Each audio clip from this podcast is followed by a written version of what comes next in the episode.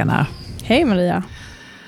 Idag ska vi... eh, Måste ha mina läsglasögon på mig lite, jag måste ta med dem för att se. Idag ska jag fortsätta och berätta lite om Jonathan. Eh, Jag hintade ju lite i förra avsnittet om honom att eh, det skulle komma en fortsättning eh, och att det skulle handla mycket om det här med förlust av tillit till samhället och sådär. Och jag har bett dig vara med idag, för jag känner att jag behöver någon som håller mig i en krycka idag. Jo, jag är så himla glad och tacksam för det. Ja. Det ska bli jättespännande att höra, för Mm. jag har ju bara hört lite punkt, eh, punkter då och då kan Ja. man väl säga. Mm. Ehm, Men jag har inte hört helheten. Nej. Och, och det blir ju också lite så här när man Alltså när jag, berättar om, när jag har berättat om Jonathan hittills, det blir ju att jag pratar väldigt mycket om förlusten av livet som inte blev som jag hade tänkt med förlusten av det friska barnet. Så där. Det finns ju otroligt många, många, många, många roliga saker med Jonathan också. Eh, vi brukar skoja om det, jag skulle behöva skriva en bok nästan bara med kommentarer som han, som han har. Och, eh, så där. Han, är, han är fantastiskt rolig. En sak kom jag på nu, det måste jag berätta. En av mina söner var tillsammans med en tjej som heter Julia för några år sedan. Eh, eller ganska många år sedan. Och eh, då hade han en tendens, Jonathan, att när liksom det kom in någon ny människa så la han upp dem på Nintendo Wii, heter det väl? Ja. Och så kom eh, hans bror hem och berättade att det hade tagit slut. Och då går han fram till Nintendo Wii och så tar han bort hennes namn och sen så säger han så här, stackars Julia, nu får hon aldrig mer träffa mig. Det är liksom han i ett litet nötskal.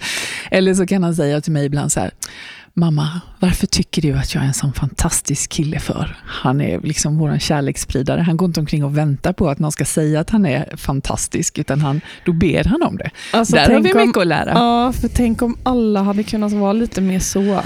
Precis. Ja. Jag läste, jag följer en influencer eh, och jag läste precis innan vi eh, skulle gå iväg och podda nu att eh, den personen hade det väldigt tufft just nu.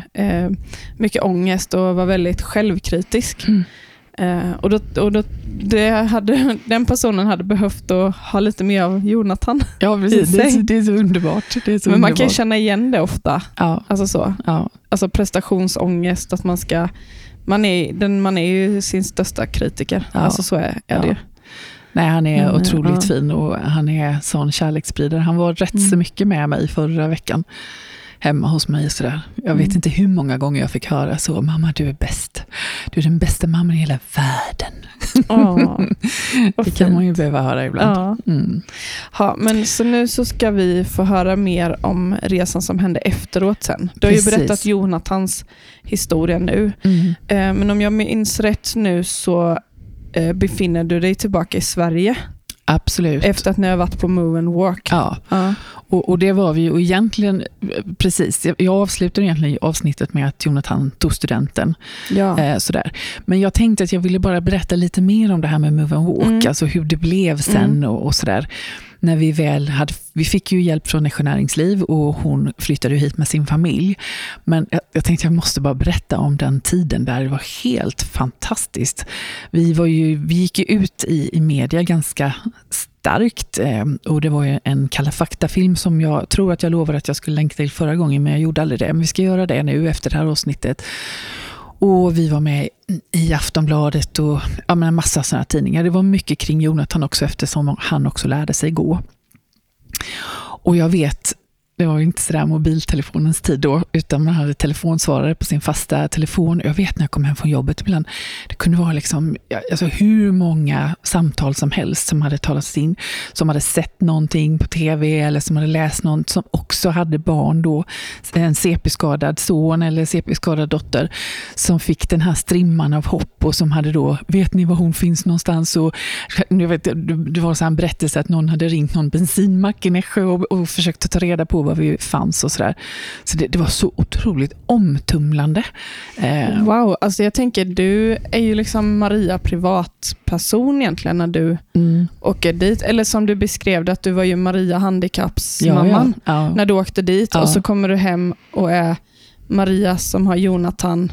Som kan utvecklas. Som kan utvecklas, ja. Mm, Och så från att gå från det då till att helt plötsligt också bli offentlig. ja, På, alltså på det sättet man var då? Mm. Ja, på det sättet man var. Jag Ja. har tänkt lite på det, som vi har pratat om det. Mm. Eh, Du och jag, skillnaden mellan oss eller sådär, tänk om det hade funnits eh, hela de här, alltså Instagram och allt Ja. det, vilken grej det hade blivit då. Nej, men det, var, det var helt otroligt. Och Sen så blev det bestämt att hon skulle flytta hit och vi skulle starta upp liksom första grupperna och sådär. Och Då var hon ju tvungen att också få träffa barn för att kunna liksom bedöma dem och, och sätta in dem i olika grupper och sådär. Och då var vi hemma hos oss, kommer jag ihåg. Eh, vi bodde i ett hus här i Nässjö. Eh, det är en väldigt lång gata eh, och vi hade ett hus med övervåning och källare. Och det var helt galet. Det var en lördag hela dagen. Alltså den här gatan var fullsmockad med bilar. Och det var så här, människor bar in sina barn in i vårt hus och Wow. bar ner dem i källaren. Och hon gjorde de här bedömningarna. Utan att jag börjar gråta nu. Ja, och jag kommer ihåg att vi bara serverade kaffe, Brian och hela dagen. Liksom, kaffe och fika. Och så där. Det, var helt, det, det var helt otroligt. Men så stort blev det faktiskt. Och det var också den här känslan av att vi visste ju att det här hjälpte. Det var ju inget konstigt egentligen. Alltså det är ju konduktiv pedagogik. Och vi visste att det här hjälpte, hade hjälpt Jonathan, det hade hjälpt oss som familj, det hade hjälpt mitt tankesätt. Men ändå den här känslan av att behöva slåss för det. Det är ju också en förlust, alltså förlust av tillit. Man kunde ju inte förstå varför inte läkarna bara, "Ja, men titta här, det hjälper ju, då kör vi. Liksom. Men eh, det var inte riktigt så, utan vi fick kämpa och jag vet ju att de får kämpa än idag. Ja, jag tänker att det är väl mycket så med sjukvården överlag. Alltså jag, vi har ju en fantastisk sjukvård i Sverige, men Mm. det är ändå... Jag, alltså jag kan ju relatera till mitt eget bara, den här eviga kampen. Eh, alltså nu, det är ju inte jämförbart med det ni går igenom alls. Och vi, man ska Nej, ju inte jämföra jämföra- sorger alls heller, men jag vet när jag låg inlagd för endometrios och de Mm. opererade mig och, och de började prata om att ja, jag hade en riktigt dum läkare faktiskt. Han sa till mig att vissa människor föds med stor akter på sin båt och glider Mm. genom livet smidigt och enkelt, medan Mm. andra föds med liten akter på sin båt. Och du min vän har fått en liten akter, så Okej. det kommer bli riktigt tufft för dig genom Ja. livet. Mm. Typ så. Eh, och bara lämnade mig med det, att de Mm. kunde inte liksom hjälpa mig mer. Nej. Och sen när jag hittade det alternativa och läkte ut, Mm. och jag sen var på en återkontroll och de såg att jag har inte endometrios längre, så sa de att nej men vi har feldiagnostiserat dig. Mm.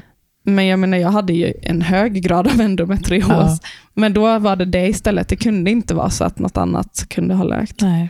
Och Jag tänker att det är så mycket med sjukvården, att det Mm. är så himla inställt på medicinering istället för att det kan vara också åt andra håll. Ja, och just i det här fallet var det ju då att det är inte vetenskapligt bevisat att Nej. den här metoden är bättre än någon annan och därför Mm. så köpte de inte den. Nej. Men det finns ju här i Sverige idag. Men den här Ja. filmen som jag ska länka till, Mm. den var med på Kalla fakta. Den är oerhört, inte bara Jonathan som är med i den filmen, utan andra barn också. Mm. Men jag och Jonathan eh, är bland annat med i en scen där Lars Mullback då som, eh, som hjälpte oss att, att, att dra allt det här. Liksom. Han är författare och, och regissör och, och själv CP-skadad.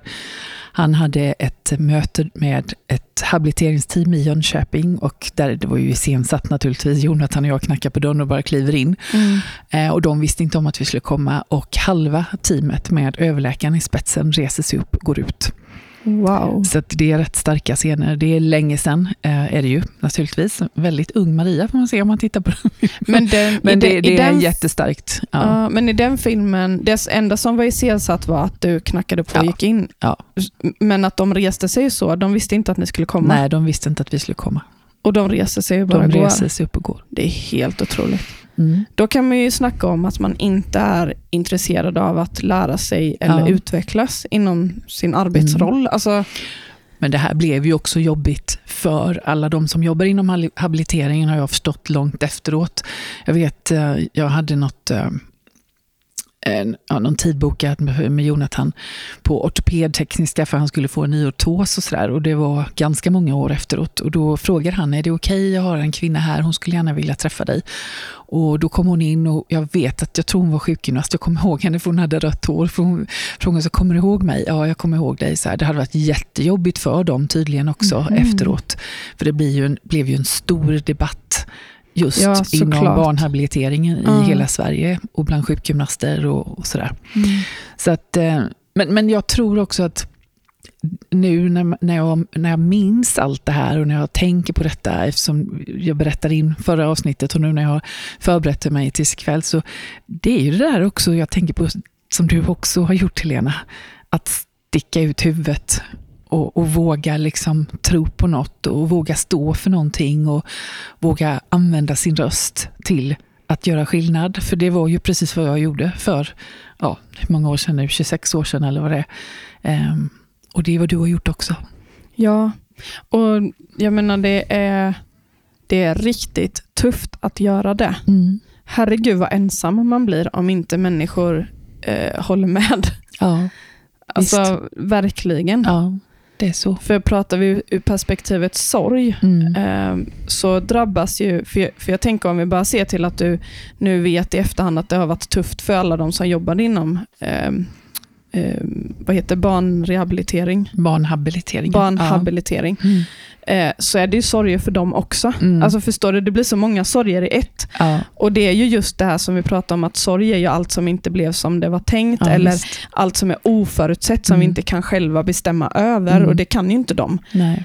Och Då blev det också vitalt, alltså just det här att media var inkopplat och det blev liksom ja. en granskning och alla de här mm. delarna. Mm. Det är ju alltså det är klart att det påverkar ju jättemånga. Ja, och det, det gjorde det ju verkligen. Ja. Men samtidigt är det lite så, har man fått en röst och, och det är också så här, ur mitt och ditt perspektiv, mm. så är ju vi de som är hårdast drabbade, även om andra åker med i det också. Ja. Men förhoppningsvis så, att, att, eller det vet vi idag, att, att anledningen till att du eller så här, resultatet av att du faktiskt vågade har mm. ju gjort att det är en förändring idag. Absolut, så är det ju. Och nu var det ju inte bara jag, det var ju Nej, de och de också. Men, men mm. det, det, är ju självklart, det, det är ju så. Mm. Absolut. Jag kan faktiskt berätta, jag, jag, brukar inte nämna människor vid namn, men eh, Jonathans läkare vid den här tiden, hans neurolog, eller barnneurolog, hon heter Gunilla Steinvall. Mm. Jag vet faktiskt inte om hon lever, men jag hoppas hon gör det.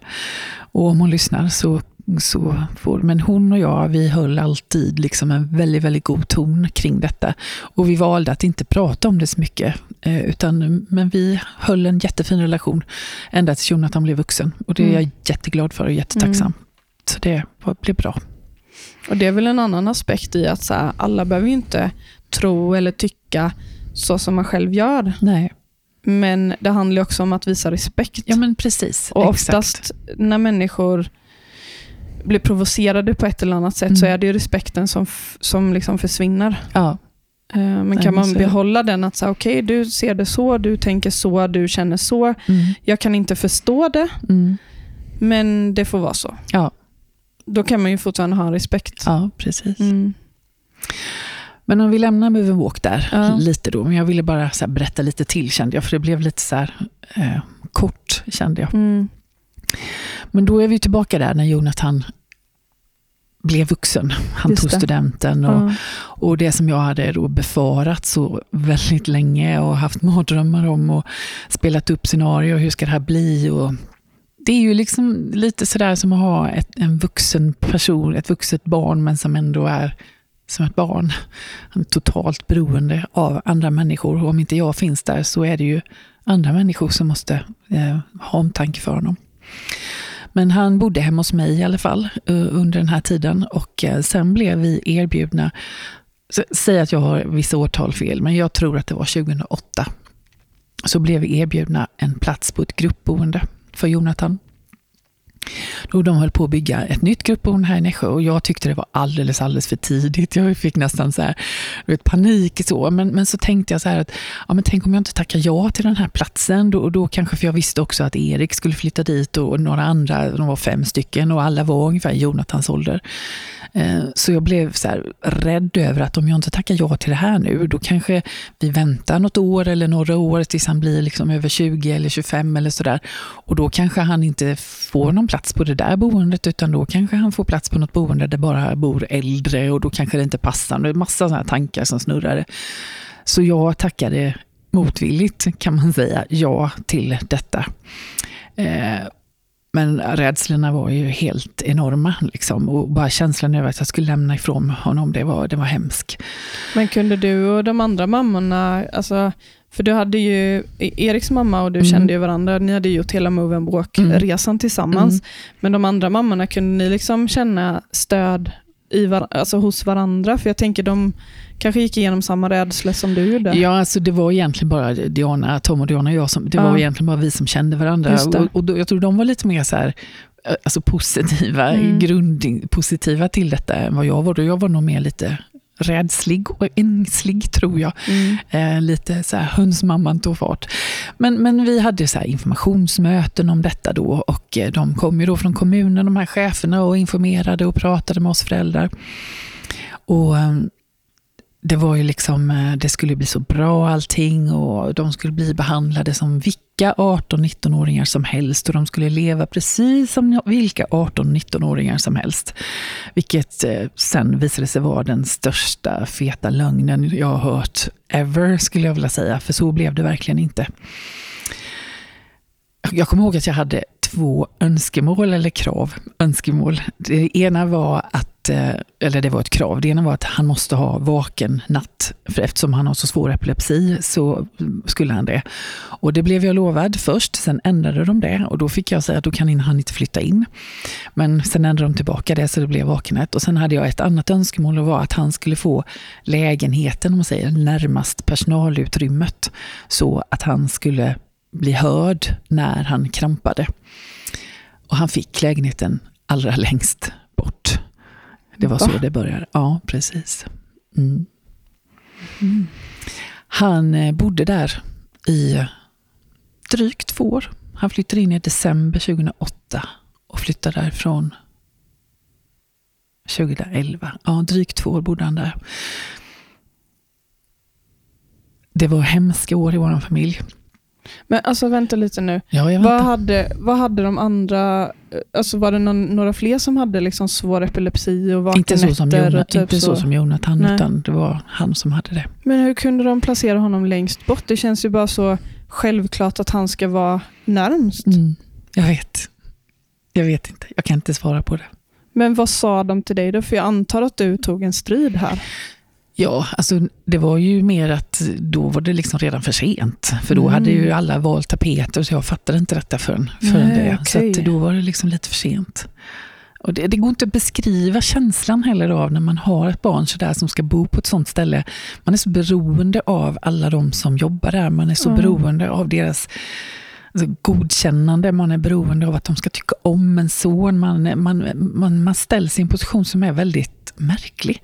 Man, tapp, man tappar lite av sig själv för man vågar inte riktigt ta strid i allt för man är rädd att Det ska gå Jonathan ska drabbas. Ja. Mm. Men alltså, hur funkar det? För jag, jag är väldigt dåligt insatt i det. Men det är alltså eh, ett stort hus som har Mm. flera lägenheter Ja, i huset. precis. Fem. Ja, och, så ett, Ja. och så ett stort allrum och, och just det. Ja, precis. Mm. Så att eh, det funkar så. Men hur funkar det då när det är vaken natt? Är det någon som är inne i hans lägenhet då med honom hela natten? Eller? Nej, utan de var ute i de allmänna utrymmena. Okej, var men och hur hör de om han krampar? Det gjorde de nog i så, förutom vid något tillfälle där de somnade. Mm. Va? Ja. Jag kommer att komma in lite på vad som har hänt Ja. om en liten stund, men jag tänkte bara först att jag ska berätta hur, hur, hur det gick. För Mm. det här blev mörka år i vår familj, alltså inte bara i Jonathans, utan för han gick ner sig utvecklingsmässigt. Han blev ganska passiv, han gick in i sig själv, han sov mycket när han satt på sitt rum, han var liksom han mådde inte alls bra, gjorde han inte. Jag mådde inte alls bra heller och mina föräldrar mådde inte bra och hans syskon mådde inte bra. Det blev verkligen inte bra. Hösten 2010 så slår hans storebror Patrick näven i bordet bokstavligt gjorde han det. Nu jäkla mamma söker du personlig assistans till Jonathan. För så här kan vi inte ha det. Liksom. Det funkar inte. Och då var det som att den här näven i bordet gjorde att jag bara vaknade till. Liksom. Och, eh, och då gjorde vi det. Och vi fick ju personlig assistans till Jonathan och han flyttade i mars 2011. Så nu bor han ju i egen lägenhet och har assistenter dygnet runt.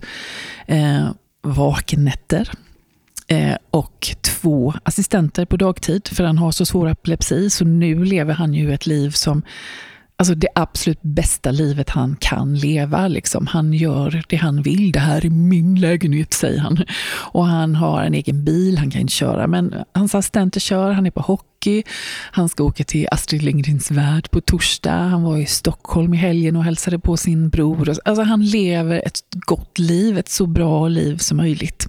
Så det är fantastiskt. Jag har ju varit med när han har ringt dig. Ja, han gör ju det rätt ofta. Ja, men, eh, och jag har ju träffat honom hemma hos dig med. Mm. Alltså han, jag kan ju verkligen bekräfta att det är så. Och mm. han har världens finaste mamma. Mm. För att du gör verkligen allt för honom. Det, det är aldrig, jag. aldrig några problem. Han alltså är totalt icke förhandlingsbar i mitt liv. Nej. Det, det, han är totalt icke förhandlingsbar när det gäller allt och alla. Så är det verkligen. Mm. Mm. Han flyttade ju då mars 2011. Jag kommer komma tillbaka till de här åren i ja, djupbornet. Jag, där. jag kommer komma tillbaka ja. till dem. Jag, jag, tror att när han väl flyttade, det var som en sten som bara föll från... Mm. Liksom bara, och jag, jag tror att vi alla bara valde att bara släppa det, för vi orkade inte. Liksom. Vi var så under isen allihopa och vi var så glada över att han skulle få det bra. Och vi anställde de här assistenterna och vi anlitade faktiskt också då Move Walk-assistans hade vi de första åren. Jag tror det var hösten 2018. Jag kan ha lite fel på årtalen här, men jag tror att det var hösten 2018. Så var det något så här Uppdrag granskning. Ni vet, något sånt program som handlade om ett gruppboende utanför Göteborg, tror jag det var. Det handlade väldigt mycket om, speciellt en kille där, som egentligen inte alls är lik Jonathan, så, men det handlade om honom och hur man hade ett arbetssätt där man skulle jobba med honom med ett lågaffektivt bemötande. Han hade ganska svår autism. Um, och, och det, jag kommer inte ihåg alla detaljer, men det, det, var inte, alltså personalen kommunicerade inte, det skapades en tystnadskultur. Man istället för att ta ett steg ifrån honom så gick man ett steg framåt och man höll fast honom. Och jag tror att det var så att någon av hans, om det var hans syster, som hade också installerat en, en kamera i hans eh, rum eller lägenhet eller sådär. Det var riktigt, riktigt ruskigt. Och jag hade ju läst att det skulle vara, och jag Alltså, jag vågade knappt titta på det, för liksom, jag kände hur de här känslorna bara kom och, och lurade. Liksom. Men så valde jag att jag skulle titta på det i alla fall. Och gjorde det. Och jag, alltså jag, äh, det var så fruktansvärt. Och det var, jag kunde inte hejda alla de här känslorna som kom tillbaka. Den här känslan av total vanmakt att ha ett barn som, som bor på ett sånt ställe. Och nu betonar jag igen att Jonathan är inte som honom. Men det är inte viktigt, utan det viktiga är liksom att det skedde. Eh, men den här vanmakten, den här sorgen över liksom att han skulle leva på det viset. Liksom. Den här totala beroendeställningen som man är som förälder när man har ett, ett, ett, barn som har funktionsnedsättningar och kanske inte kan prata, eller kanske inte kan röra sig och inte kan förmedla sina behov. och Att man inte blir lyssnad på. och man blir inte tagen på allvar. och, och sådär. Alltså, allt det bara sköljde över mig. Det var fruktansvärt jobbigt. Sen åkte vi jag och min man åkte på semester i januari där. Eh, och jag kunde inte släppa det. Jag kunde inte släppa det. Och jag på, vi, vi, pratade mycket om det och jag kände då någonstans, du vet, då började den här rösten. Så här, jag måste göra någonting. Alltså jag hade ju verkligen inte gjort det när Jonathan flyttade, utan vi bara flyttade. Så, där, så släppte jag det liksom. Men jag kände då att nej men jag har en röst, jag har någonting att säga. Det här får inte hända igen. Eh, och det jag säger nu kommer säkert någon tycka så att det är överdrivet, men känslan jag har rätt ofta är att hade han bott kvar, då hade, han hade inte levt. Liksom. Jag, jag tror inte det. Och jag våndades över detta men bestämde mig då att nej, nu är det dags. Liksom. Så att jag tog kontakt med verksamhetschefen i Nässjö kommun och bad att få en träff med henne. Eh, och, eh, för jag ville berätta vår berättelse. Eh, och det gjorde jag. Och det var jobbigt var det. Men jag berättade för henne eh, dels vad som hände då, att vi kom dit och att han skulle få leva som vilken 19-åring som helst. Eh, och eh, med allt vad det innebar och hur det här liksom bara krympte ner till sakta, sakta ingenting egentligen. Jag kommer ihåg när han flyttade in. Det här är vad jag berättade för henne, men kanske inte på exakt samma sätt då. När vi eh, flyttade in, eller inte vi, men när han skulle flytta in den här helgen, så kommer en eh, av de som skulle jobba där och så säger hon till mig så här, ja vi vill gärna att eh, du meddelar två veckor innan du ska komma på besök. Och jag bara, nej men det tror jag inte att jag kommer göra. Jo, för det blir ju mycket lugnare för de andra då, så att vi kan förbereda dem på att och jag, jag kommer ihåg att jag blev helt så här perplex. Jag bara, nej men, alltså, nej men lugna ner dig lite. Jag kommer inte ringa två. Alltså jag går ju här hur jag vill, sa jag. Det ja, här är ju och, hans hem. Ja, men och vilken, eller så här, nu vet inte jag andra föräldrar väljer att göra, men jag, det skulle väl aldrig gå två veckor innan man går och hälsar på sitt barn? Eller? Nej, och man ringer ju inte två möten heller. Eller Nej. två veckor, två veckor, det gör man ju inte heller. Nej.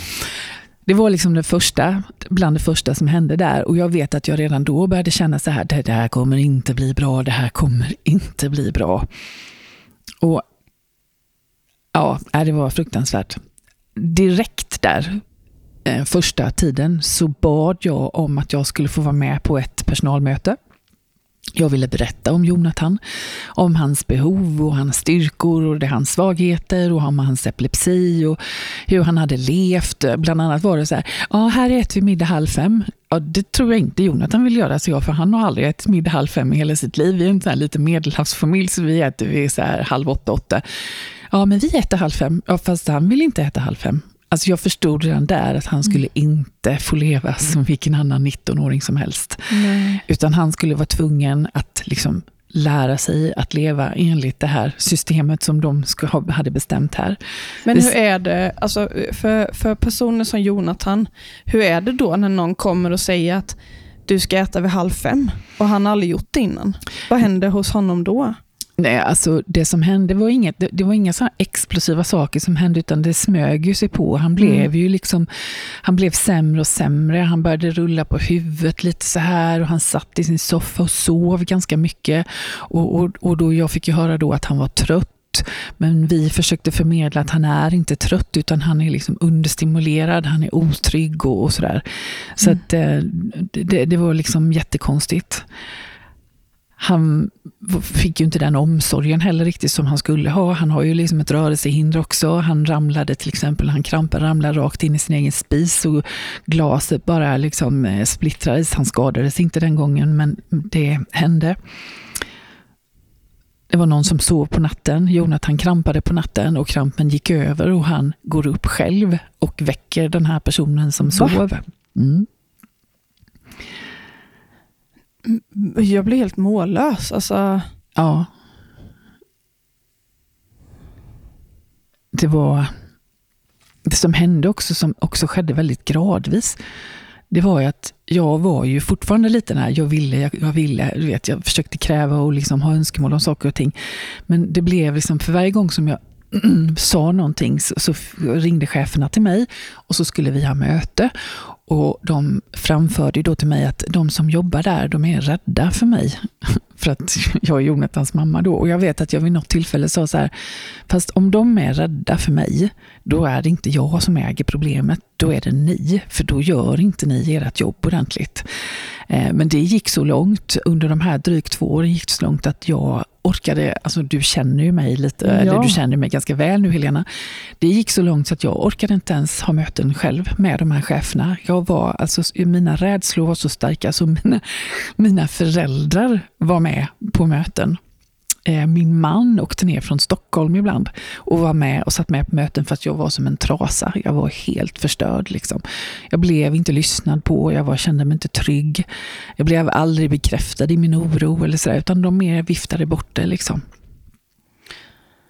Men alltså hur... För, för jag tänker så här, om... Jag kan ju bara utgå ifrån mig själv, mm. men jag har ju liksom konstaterat sömnproblem för att jag in, alltså så här, är inprogrammerad att någon kan dö på natten mm. Mm. på grund av vad som hände. Mm. Och, jag, och jag, bara, jag bara tänker på hur det måste ha varit för dig att sitta hemma och veta att han är där och inte blir omhändertagen på det sättet han bör bli och kan få kramp när som helst. Ja, det, det, det värsta av allt är att jag tror att jag bara tänkte att jag hade inget val. Nej. Vad skulle, alltså det, var, det blev så här, ska jag ta hem honom? Alltså, det här är mitt liv nu. Jag, ja. alltså, jag, jag, blev liksom... Och jag tror också i och med att jag blev så ifrågasatt och så eh, betraktad på det viset som att det jag ville och att, och att det jag behövde och vara med på möten och göra saker för Jonna. Jag blev betraktad som att det, det, det var inte viktigt, eller hur? Mm. Men hur var det för de andra? För jag tänker som Eriks mamma, hur upplevde hon det för Erik där? Alltså vi, vi har haft lite olika upplevelser. Sen vill jag, jag vill också säga en sak, att jag tror att gruppboende passar bättre för en del mm. personer som har funktionsnedsättning. så. Det, det, är jag helt övertygad om. Så jag, jag dissar inte allt som har med gruppboende att göra, det gör jag verkligen inte. Men, så, så vi har lite olika upplevelser. Men en sak som bland annat hände, det var, det var att de blandade ihop Jonathan och Eriks kläder ganska ofta. Mm. Och det är ju inget jätteallvarligt, men så var det det när jag en dag så, så nej men alltså nu åker vi dit och sorterar upp kläderna, du vet. Eh, jag tror hon hade lite bättre ordning än vad jag hade, så vi åkte dit en kväll och så bara, nej men nu kör vi, och alla frågade, vad gör ni? Nej men vi ska bara fixa till kläderna här nu. Och vem fick ett telefonsamtal dagen efter? Det var ju jag naturligtvis från cheferna då som eh, berättade att de hade mått så dåligt för att vi hade varit där och vi hade liksom hållit på med de här kläderna. Och det är lite märkligt, varför mådde de dåligt för? Mm. Antagligen för att de inte hade gjort sitt jobb ordentligt, kan man ju tänka. Ja, och här har vi ju alltså återigen... jag, jag, tänker att om vi pratar sorger, mm. som vi har med oss sen kanske barns, alltså sen vi var små. Mm. Det låter ju nästan som att de här människorna inte dels eh, alltså, vågar Alltså antingen är de bara passiva, mm. eller så har de inte chefer som har visat dem tydligt vad deras roller innebär. Ja, jag, för mig är det ju naturligtvis ett ledarskapsfråga. Det är det ju. Självklart ja. är det ju. Men det är också lätt, som i det här programmet Uppdrag granskning, när det skapas tystnadskulturer uh. på arbetsplatser. Eh, som det gjorde här. För övrigt så den uh, unge mannen där, han, han dog, gjorde han. Eh, i badkaret i det gruppboendet. Men det är ju när det skapas så här tystnadskulturer. Vi hade faktiskt en kvinna som funkade väldigt bra tillsammans med Jonathan och hon var jätteschysst och liksom, eh, vi lärde känna henne bra. Sådär. Eh, för det gick så långt att vi ville inte ha kvar honom där på helgerna hur mycket som helst. Utan, och då ville jag se schemat. Alltså jag ville liksom se när jobbar hon, för då mm. visste vi att då mår han bättre. Och då tar vi hem honom de andra helgerna. Men det fick vi inte och det slutade med att då tog de liksom bort henne. Alltså hon, inte helt och hållet för Jonathan, men hon var inte där lika mycket. Mm. Jag bad till exempel att Jonathan att han skulle, för han läser ju, så jag bad att han skulle få ett schema. Eh, så, så att han kunde se vem som skulle komma till honom på morgonen och vem som skulle komma på kvällen. För jag tyckte att det är liksom en mänsklig rättighet ungefär Verkligen. att få veta vem som ska komma in och stoppa in tandborsten i munnen på det på, på kvällen och på morgonen. Det fick jag kämpa för. Det var absolut ingen självklarhet. Men varför jobbar de så, så stenhårt emot sådana grejer? För, för jag tänker, du berättade också att du ville träffa alla som jobbade för att mm. berätta om Jonathan. Mm. Det känns så självklart för mig att det borde vara en sån sak som ska ingå. För jag menar, de är ju där för att hjälpa en ja. person som inte har en egen röst. Ja. Då måste ju de som känner honom berätta. Mm. Det här är Jonathan, Nej, det, det, här gillar han. Det, det, man kan ju inte liksom... Där kommer han in som tonåring eller ung vuxen och så ska de då lära känna honom på mm. hur kort tid som helst och hitta på nya regler. Mm. Och liksom, Nej, men det alltså... hände inte. När Jonathan hade flyttat, eh, då bad de här cheferna mig att jag skulle komma till den här gruppen. De skulle ha något personalmöte något, och, och då berätta resan om Jonathan när han hade flyttat. Men det, det blev inget bra alls. Jag, jag, det, nej fy, det blev inget bra. Jag var så nervös, jag hade så ont i magen så jag kommer knappt ihåg vad jag sa. Men det var det som hände. Liksom. Nej, jag tänker att de människorna också hamnade oftast i självförsvar på något sätt. Som ja. att det handlade om att de var dåliga. Alltså om vi skiljer liksom på en människa kontra hur man mm. jobbar och ledarskapet då. Mm. Att de tog allting personligt känns det som. Ja. Som att det var de som var dåliga människor. Ja, eller, precis. Ja, och då blir det också väldigt fel. Mm. Vi, eh, Jonathan åkte ett par, tre gånger under den här tiden så fick han åka in till, eh, med ambulans till sjukhus eftersom han eh, krampade så mycket. Hade, han har ju svår epilepsi. Och jag vet bland annat en gång så låg han på IVA i Jönköping och och jättedålig, alltså riktigt risig var han. Men eh, kom tillbaka till slut. Eh, och då skulle vi hämta honom, eller jag var ju där hela tiden med honom, men då skulle vi åka hem och än idag fattar jag inte varför jag körde honom till boendet, men det gjorde vi i alla fall. kan ju vara för att jag var helt slut också, hade säkert varit på IVA två, tre dygn.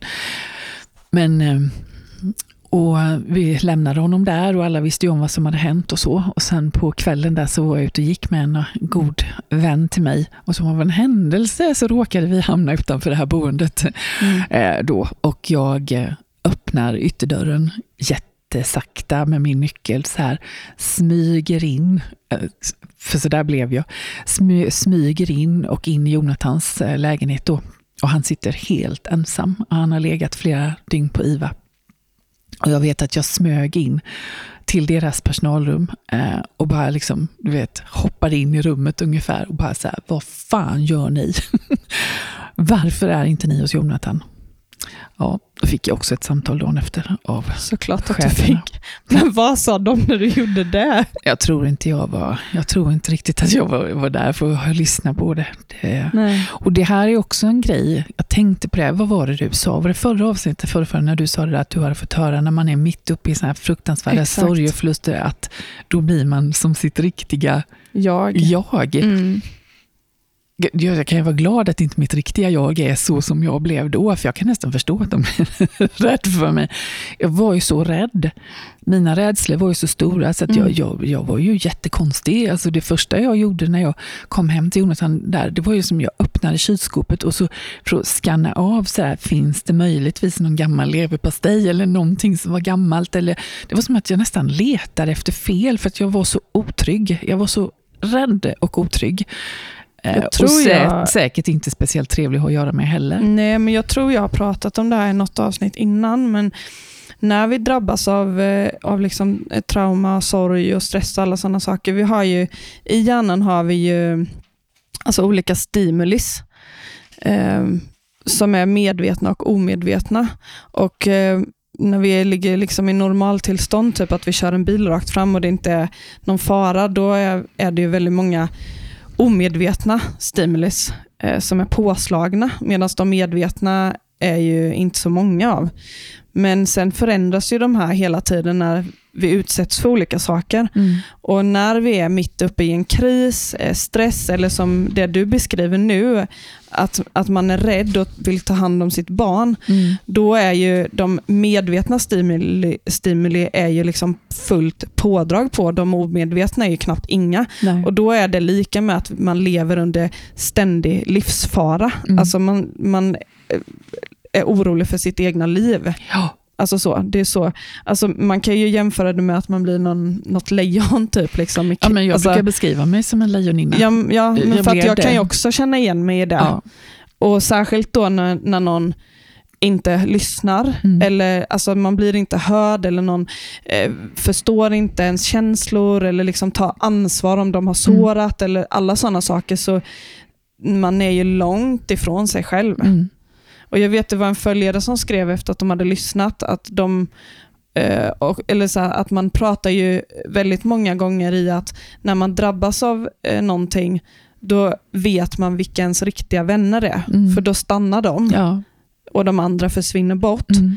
Och så är det väldigt mycket att man märker det. Mm. Men det är ju också så att, att det vi pratar om nu är egentligen att de människorna man har runt omkring en istället sitter och pratar då att ja, det är när man utsätts för det här som man får se den rätta versionen av Maria eller Helena. Ja, det är så, visst. när, när allting är lugnt, då kan man hålla ihop det och man kan låtsas vara en annan människa, Mm. men när det väl gäller, det är då man får se det rätta. Mm. Men det är ju verkligen långt ifrån sanningen. Ja. Och jag menar, det var ju, jag var ju så mycket, alltså det var ju så mycket sorg och så mycket känsla Mm. av förlust. Alltså förlust av att inte kunna påverka hans liv. Förlusten av att, jag menar bara av, av samhället, förlusten av att det blev inte som de sa. Liksom. De, det kändes som de hade ljugit. Och det gick allt från att helt plötsligt skulle han bara få göra två egna aktiviteter i veckan till exempel. Och, det var så mycket, mycket, mycket känslor. Och precis som vi har pratat om innan, det här med prata till hjärtat. Att det var inte min hjärna som behövde det. Det spelade ju ingen roll vad de än sa till mig. Det var inte min hjärna som behövde läka, det var ju mitt hjärta. Men jag blev aldrig mött i det. Det var aldrig någon som liksom kunde bara säga så här, vi förstår att du är jätteorolig. Kom, sätt Mm. det här så pratar vi lite. Så, ja, men hade de kanske bara låtit mig komma på det här mötet och få prata om Jonathan, min liksom Mm. kärleksspridare så kanske det inte hade blivit så här. Och, och det är ju lite som, som vi säger och var ute och prata om sorg på arbetsplatser. Jag menar, här behöver man ju också mer kunskaper. Den där mamman är kanske inte arg. Nej. Hon är bara ledsen. jag, jag tänker, Hon är bara förtvivlad. Liksom. Men Ja. möter vi henne så här så kommer det bli bättre. Mm. Jag vet ju dagar när jag har skickat iväg barnen till förskolan och, och jag, bara, jag bara känner att det känns inte bra. Alltså jag kan inte sätta fingret på det. Det är bara att då befinner jag mig någonstans sorgmässigt som gör att jag känner ångest i att lämna bort dem Mm. till någon annan. Och Då kan jag ringa till dem och säga det. Och Då kan de skicka ett sms eller på Messenger Mm. med en bild på barnen och säga allt går bra. Eller du Ja. vet så. Vad stor skillnad den gör. Mm. Alltså jag tänker det är så liten handling de Mm. behöver göra för att lugna en orolig mamma hela Ja. dagen. Visst. Ja, men så är det. Ja. Ungefär, ungefär så här berättade jag ju för den här verksamhetschefen. Mm. eh, för funktionshinderomsorgen i Nässjö. Det var jobbigt. Jag kommer ihåg att tårarna rann och så här. Det, var, det, det, liksom, du vet, det sitter i kroppen och när man pratar om det så gör det nästan lite ont. När jag var färdig med detta så erbjöd jag henne, jag sa till henne så här, att jag skulle jättegärna vilja komma och berätta det här för människor som jobbar inom funktionshinderomsorgen i Nässjö. För att hjälpa så att det inte händer igen. Inte för att liksom vara taskig och måla ut eller så, utan för att liksom använda det som en erfarenhet som inte blev bra och som vi kan lära oss av och göra bättre. Och hon lovade att hon skulle återkomma. Jag har inte fått ett enda svar från henne. Eh, hade hon skrivit till mig så här, tack för att du kom Maria, eh, men vi väljer att göra på ett annat sätt, men tack för ditt erbjudande, det hade jag accepterat. Eh, men hon har inte ens skrivit det. Och Jag har inte ens fått svar, utan hon bara lämnade mig där. Och det är det som är anledningen till att jag berättar det här. För jag har bestämt mig för att vi får inte behandla människor på det här viset. Alltså jag blir helt mållös Maria. Mm. Hon har alltså inte, eh, inte hört av sig. All, vad sa Nej. hon när du satt där? Nej, hon sa att hon skulle höra av sig. Hon tackade ju att jag kom och hon skulle höra av sig om mitt erbjudande. Alltså det här är så konstigt, för jag tänker att du sitter och berättar för mig nu Mm. och jag blir helt mållös och Mm. bara, men herregud, det får inte gå till så här. Nej, Och så känns det som att hon bara sitter där helt känslomässigt avstängd då, eller? jag vet För att det inte är om... hennes jobb. Eller så här, Ja, jag, jag, Jag vet inte. Men det, jag, jag tänker så här, och då, då vet du ju ändå, alltså, och jag uppfattar mig ju också som en ganska stark person som Ja. har en röst jag använder och sådär. Men, Mm. men att då tänker jag på de som inte har det, för alla har ju inte det. Eh, och Det är lite därför jag berättar det. Och Sen är det ju också för att jag vet ju att det faktiskt fortfarande pågår. Jag träffade ju en annan mamma eh, för ett par veckor sedan. Mm. Eh, vars son på det här boendet hade blivit sjuk och hon skulle komma så fort hon kunde. Men de valde att skicka honom själv i en ambulans. Eh, och när den här mamman kom till akuten så hade han legat en och en halv timme själv på akuten. Han kan inte röra sig. Han kan inte prata. Och han Va? hade dessutom njursten, så man kan ju tänka sig hur ont han hade. Ehm, och detta händer än idag. Och då är det ju alltså då, ska säga, 11 år sedan vi valde att flytta Jonathan därifrån. Men alltså herregud, för jag tänker att det skulle vara som att jag skickade iväg Helia då. själv Mm. med ambulans och lämnade henne själv en och en halv Mm. timme. Mm. med njursten, hon kan ju visserligen prata Mm. och normalt sett röra sig, men har man njursten så kan man knappt röra sig. Nej.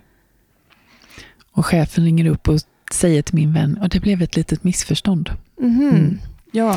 Men som sagt var, jag, det, det är klart att det kommer uppfattas av några personer nu som att jag verkligen är ute för att svartmåla. Men det är ju inte det jag är, utan jag vill lyfta upp det, jag vill att vi ska prata om det. Jag tänker, vi fick en kommentar, kommer jag ihåg, från en kvinna som jobbar på habiliteringen, barnhabiliteringen efter förra avsnittet som jag läste in om Jonathan. Där hon sa att det var mycket tank, tänkvärda saker och att hon skulle ta det till sin arbetsplats och, och prata om det. Och det är det jag hoppas att det här också blir. Mm.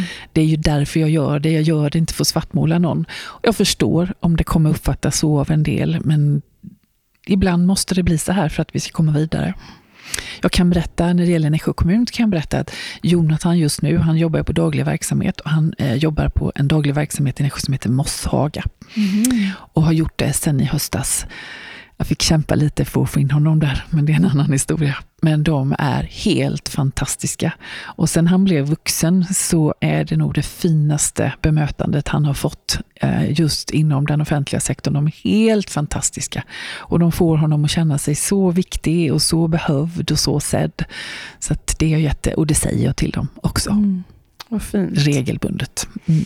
Wow, alltså vilken resa Maria. Ja. Och vilken son ändå Jonathan är. Och jag menar, ja det är helt otroligt, men herregud vad ditt hjärta måste ha gjort ont alltså. Det eh, har gjort väldigt ont. Mm. Mm. Det var första nyårsaftonen som Jonathan bodde där.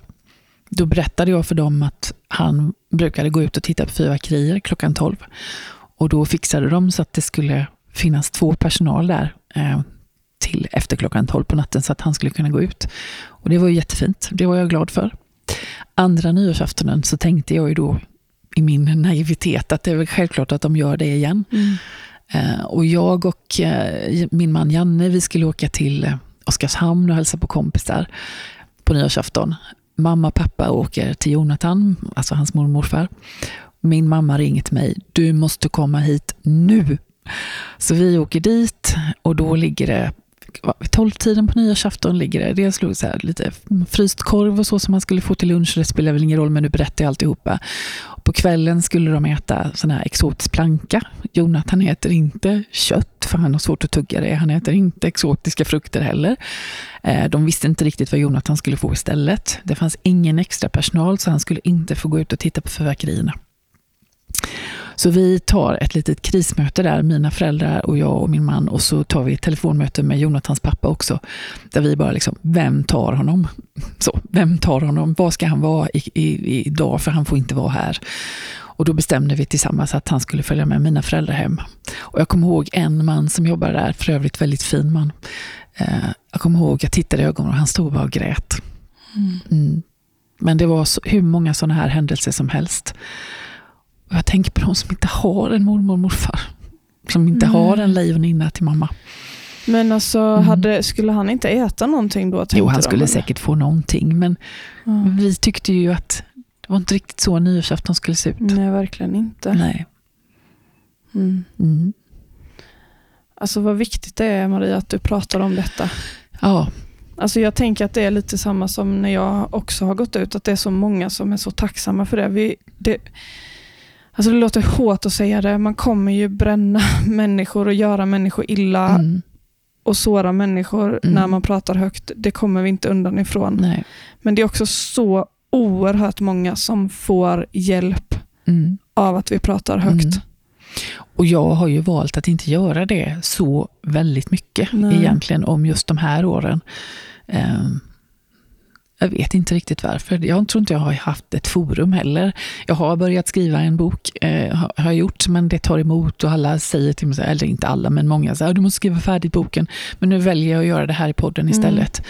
Men dels att berätta om min egen förlust och allt det som var, men också hur viktigt det är. För jag tänker ofta så här, om de här som jobbar där hade haft lite mer kunskap om Mm. sorg och kanske förstått att vi föräldrar verkligen var i stor sorg över att lämna våra barn där, så hade det kanske inte blivit riktigt så tokigt. Nej. Jag tror inte det. Mm. Nej, det är nog väldigt mycket så. Mm. Mm. Och jag tänker bara, alltså nu, jag har ingen erfarenhet av Nässjö kommun på det sättet, men jag har ju hört andra människor som är vänner till mig som har barn med funktionsnedsättning på olika sätt.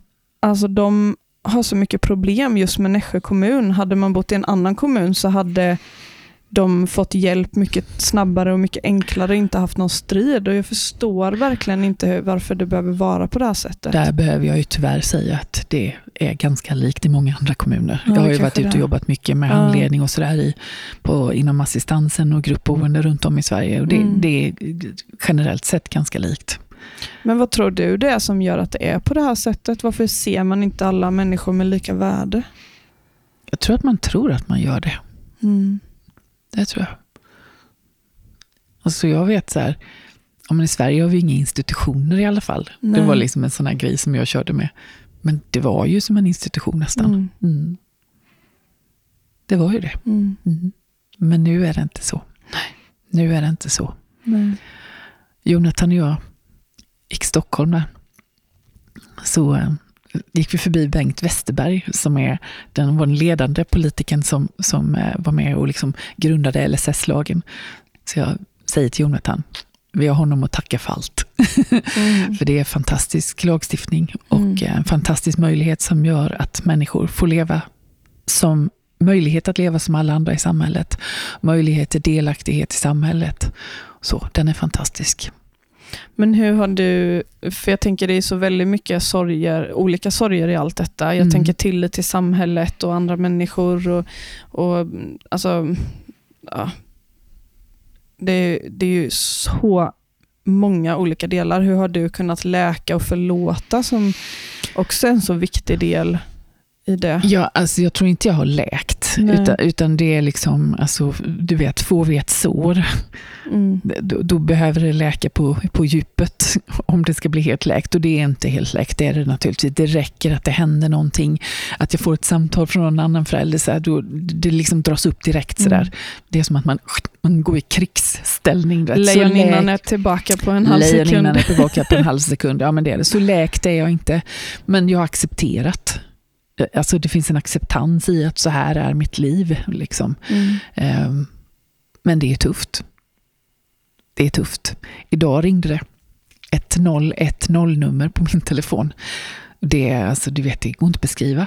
De sekunderna innan jag vet att det inte är Försäkringskassan som ska liksom kolla upp och riva upp hans beslut. Mm. Så då, du vet, det är fruktansvärt, jag får ont i magen direkt. Så att man lever i någon konstant oro över vad som ska hända. Mm.